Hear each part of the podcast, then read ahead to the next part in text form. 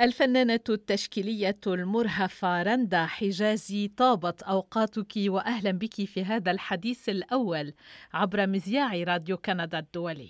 آه، يسعد صباحك كوليت ويسعد صباح جميع المستمعين وكل العاملين بإذاعة صوت كندا الدولي.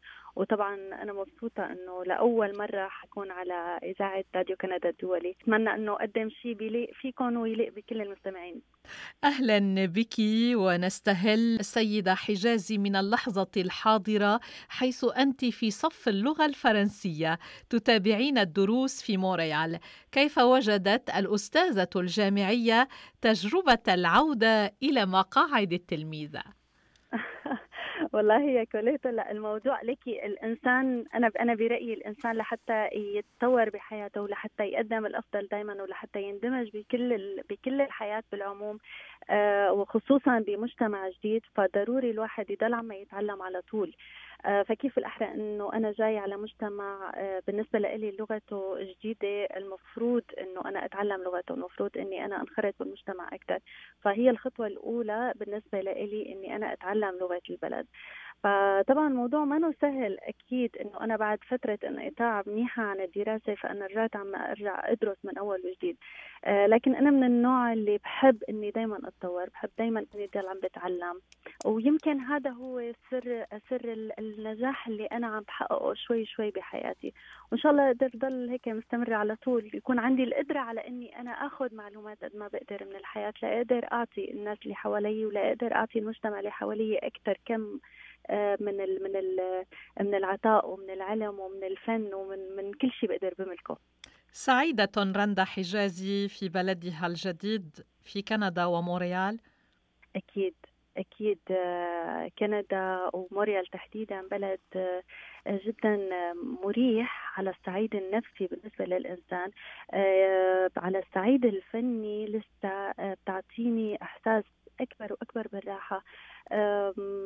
يعني عم بحس أنا بلد عم يعني طالما الإنسان أو خليني أحكي كفنانة لما الفنان بيكون مرتاح نفسيا بيقدر يعطي أكثر طبعا ما بنقدر نلغي الماضي ولا بنقدر نلغي الذكريات ولا بنقدر نلغي بلدنا وروحنا كيف معلقة ببلادنا.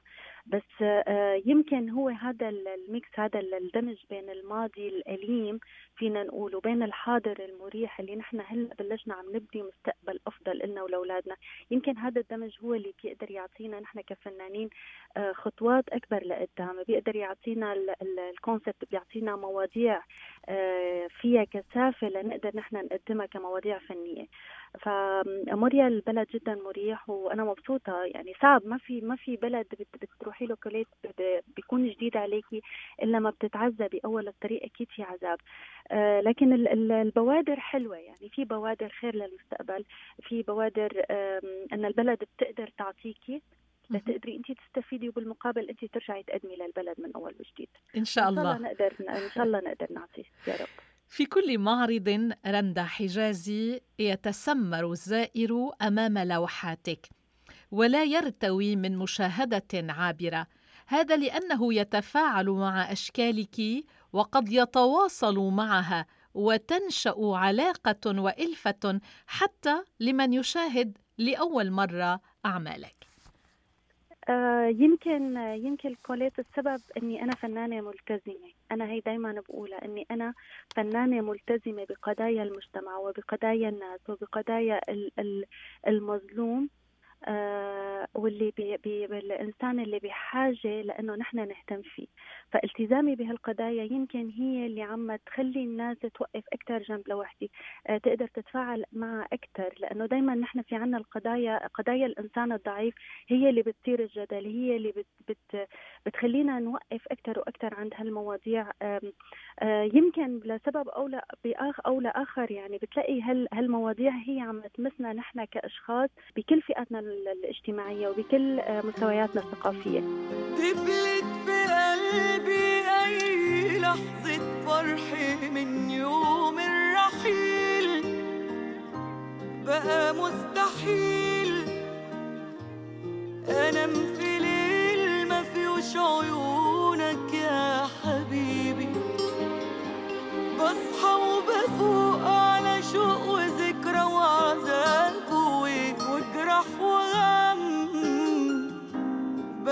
مش مهم.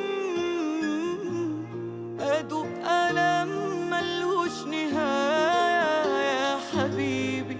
هذا ما حصل مع عمدة مدينة سان لوران آلان دو سوزا وشعوري كان كذلك تماما عند مشاهدة اللوحتين اللتين شاركت بهما في المعرض الجماعي للولوفان مؤخرا تحت عنوان انعكاس وانكسار. صدقيني رندا حجازي لو قلت لك بأنني شعرت بآلام في جسمي من الجروح الدامية في لوحتيك. كيف تقدرين على تجسيد كل هذا الوجع؟ أنا برأيي كوليت دايما الألم لما بيكون موجود بداخلنا نحن كفنانين هو بيعطينا دافع أكبر للإبداع أكثر وأكثر. ويمكن هذا كمان سبب بيحرد الخيال عند الفنان ليقدر يعبر عن واقعه بشكل أكبر أو فينا نقول يتمرد على الواقع اللي عم يعيشه بشكل أكبر وأكبر. بالنهاية أنا دايما بقول أنه الفن هو عبارة عن خطوط وألوان وأحاسيس للفنان. ما بتمر من جنب الحدث مرور الكرام لا بتجذب وبتندد وبت وبت وبترفض وبتتمرد على الواقع. مثل مثل الصحافة مثل التلفزيون مثل مثل الألم لما بيكتب. يعني هي الأحاسيس عند الفنان لابد أنه توقف عند هي الأحداث المهمة بحياتنا. فالأحداث الحروب فموضوع الحروب وال وال وال والحالات الإنسانية اللي بمر فيها الشعب بحالة الحرب والضعف الإنساني اللي بيشعر فيه فهي من أقوى المواضيع اللي ممكن تأثر بالفنان وبتأثر على المتلقي. فهذا سبب يمكن كمان من الأسباب اللي اللي قدرت لوحتي تنجح وتصل بهذا المعرض للكم الأكبر من الناس. إني أنا حكيت عن حالة من حالات الحروب اللي عم بتعيشها سوريا. هي طبعا عم بحكي بشكل خاص لكن هي آه، هو موضوع معمم على كل دول العالم. بكل الدول اللي فيها حروب بكل الدول اللي فيها تشرد بكل الدول اللي فيها عدم استقرار. اللي الشعوب فيها عم تعيش بتأرجح بين البقاء والرحيل عن البلد. بين محبتها وتعلقها بماضيها وبجذورها وبين بحثها المستمر عن المستقبل الأفضل لها ولأولادها ولا وللأيام القادمة. يعني أنا يمكن عشت جزء أو فترة من عدم الاستقرار ببلدي سوريا بين أني أنا أبقى وتعلقي بالبلد وبين أني أنا أرحل لأقدر دور دور على مستقبل أفضل لإلي ولأطفالي. فيمكن هذا هاي اللوحة تحديدا يمكن كوليت حضرتك بتتذكر هي لوحة القدمين اللي هن عكس بعضهم اللي هي فكرة فانتازيا بعيدة جدا عن المنطق وعن الواقع لكن هي بتعبر عن البقاء أو الرحيل. لامست كل واحد فينا لأنه نحن كشعوب عربية كلياتنا مرينا بهي المرحلة من مراحل الحروب وعدم الاستقرار. بالنسبة لعمدة سان لوران أنا كثير كنت مبسوطة طبعا لأنه أشخاص كنديين وناس صار لهم عمر موجودين بكندا وما عاشوا اللي نحن عشنا يقدروا يحسوا بهالمعاناة اللي نحن عانيناها واللي نحن عم ما زلنا عم نعيشها يعني نحن كشعب عربي. بتحسي قديش معناتها الرسالة كانت قوية وقديش كانت واضحة وقديش قدرت إني أوصلها لقلوب الناس. أنا لما سمعت تعليقه على على الراديو عن عن هذا العمل تحديدا فأنا كنت كثير مبسوطة لأني أنا قدرت أحقق الهدف وقدرت أحقق الرسالة اللي أنا كانت هي الهدف الأساسي بمشاركتي بهذا المعرض. ويلا دي جت على جرحي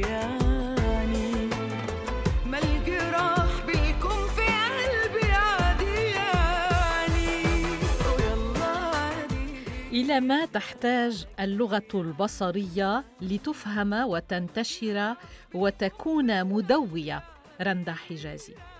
اللغة البصرية كوليت أنا دايما بقول إنه هي بشبهها مثل لغة لغة الموسيقى يعني هي لغة روح هي لغة تعاطف أكثر من ما إنه هي يعني هي اللغة الوحيدة هي والموسيقى يلي كل شعوب الأرض بتقدر تفهمها وبتقدر تحكي فيها وبتقدر تتواصل عن طريقها. لكن للأسف نحن يعني تحديدا الفن التشكيلي هو فن نخبوي. يعني بفوت لبيوت النخبة من الناس أو اللي عندهم آه ثقافة آه محددة بالفن التشكيلي. ثقافة الفن التشكيلي ما أنا معممة ما أنا فايتة لكل البيوت ما أنا فايتة لكل العقول وكل الأحاسيس عند كل الناس. لا هي آه صفة آه، نخبوية صفة اختيارية بتلاقي في ناس بتحب الفن التشكيلي بتقدر تحس فيه أكثر من غيرها فهي عندها اطلاع أكبر على هي الثقافة. في ناس ممكن تمر مرور الكرام من جنب لوحة جدا مهمة فيها كم كتير كبير من الأحاسيس لكن ما بتنتبه ولا ولا على شيء من الأحاسيس الموجودة ولا على شيء من الرسائل الموجودة بهي اللوحة تحديدا. فدائما أنا بقولها كمان إنه نحن بحاجة للانتشار الأكبر للثقافة الفنية. يمكن هي بتبلش من المدارس بتبلش من عند الطفل الصغير بنبلش نحن نهتم أكثر بحصة الرسم اللي بياخذها اللي هي يمكن مرة أو مرتين بالأسبوع بياخذوها أطفالنا بالمدارس. بس يعني هي صح ساعة أو ساعتين لكن نحن إذا بنكثف معلوماتنا للطفل بنعطيه ثقافة فنية مو بس يعرف يمسك قلم وورقة وألوان ويبلش يلون. إذا بنعطيه شوية ثقافة بنحكي له شوي عن تاريخ الفن. إذا بنحكي له شوي عن حضاراتنا نحن كدول وكشعوب وخاصة الشعوب العربية اللي هي عندها كثافة وزخم جدا كبير بالحضارات. إذا إذا الطفل شوي شوي ببلش بيعرف شو يعني حضارة بيقدر يفهم شو يعني فن بالمستقبل. بيقدر لما يوقف جنب لوحة يقدر يفهم شو يعني لون بيقدر شو يفهم شو يعني خط وشو يعني رمز. مرات بتخبي القهر وبتبتسم عالجروح مرات بيصير العمر غبرة عمر مشلوح مرات بتخبي القهر وبتبتسم عالجروح مرات بيصير العمر غبرة عمر مشلوح بتحس في خيط انقطع والقاع فيك بتنزرع بصير من جوا الوجع ساكن معك بالروح. من يراك ضاحكة مبتسمة تقبلين على الحياة بنهم وصخب وفرح. لا يتخيل رند حجازي أن وجعا وألما يعتمران في أحشائك ويوحيان إليك بهذا الإبداع. كيف تستطيعين الفصل بين حياة الفنانة والانسانه وكيف تتكامل الحياتان وتتمازجان؟ سؤال سؤال كثير صعب يا كوليت. هو لكي ما في إنسان بالحياة ما عنده ألم ما عنده بباطنه أو بذكرياته أو بالماضي إلا ما بيمرق بحالات من الألم وبحالات من الحزن وخاصة الفنان من الأشخاص اللي جدا حساسين. بدك حدا يفهم عليك بدك حدا يقلك تعال حتى الدمعه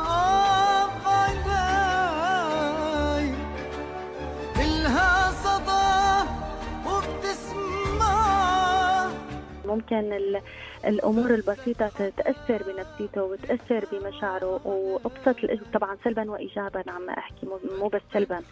آه فالفنان ممتص آه جيد جدا لكل الأحداث اللي بتدور حواليه. فهذا السبب اللي بيخلي الفنان دائما بيعيش بحالة من التوتر والقلق المستمر.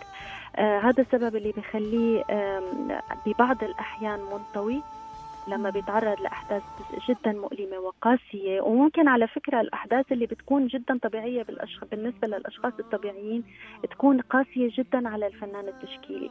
إحساسه جدا مرهف إحساسه جدا آه، عالي عنده شغف جدا عالي اتجاه الأشياء السلبية والإيجابية. فهالاشياء هي اللي بتأثر بنفسيته. طبعا بتلاقيه في عنده بتعمل عنده خلل شوي بالحالة النفسية.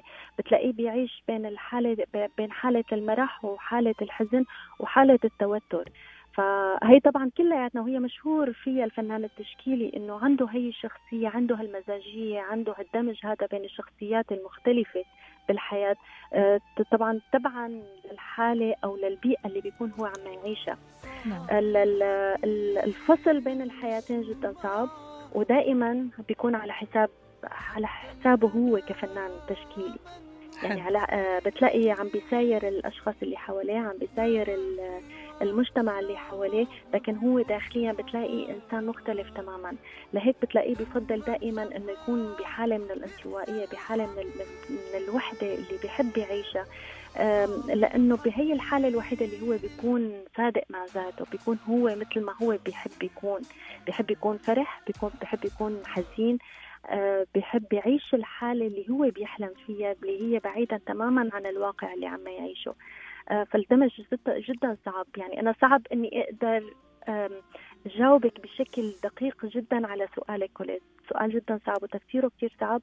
أه بس اللي بقدر أقول لك إياه إنه هي حالة نفسية بيعيشها الفنان صعبة صعبة أه دائما بيحاول يحط ماسك ويمشي بالحياة ليقدر يستمر بحياته ليقدر يتماشى مع الأجواء ومع البيئة اللي هو عايش فيها. ولما بصير بمرسم ولما بصير بحالة الوحدة اللي بيعيشها بيرجع لطبيعته هو كفنان وبيعيش مشاعره وبيعيش أحاسيسه وبيعيش أحلامه وبيعيش واقعه مثل ما هو بده وبيرجع بيعيد صياغة الواقع مثل ما هو بيحلم فيه. على كل أوضحت الأمر بشكل واف وربما أختصر لأقول بأن الفنان هو طير يغرد في غير سربه وأنت منهم تمام تمام. هذه هي الفكرة بالمختصر يعني. نعم. هيدي الفكرة لأنه دايما هو الفنان تشكيلي كوليت بتلاقي بصير الجدل آه، بالنسبة للناس اللي عايشة معه كعائلة يعني كعائلته للفنان بيستغربوا حالته النفسية أصدقائه بيستغربوا حالته النفسية المجتمع اللي حواليه بيستغرب حالته النفسية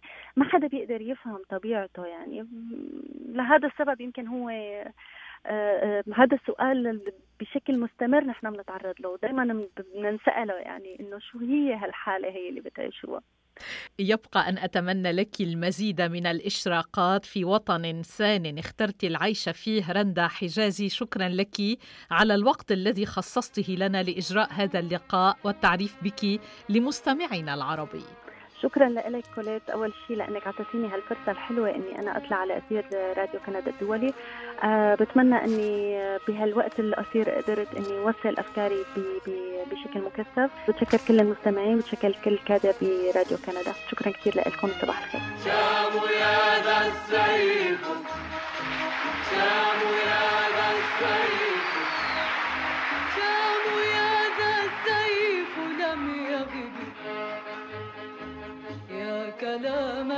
المجد في الكتب قبلك التاريخ في ظلمة بعدك استولى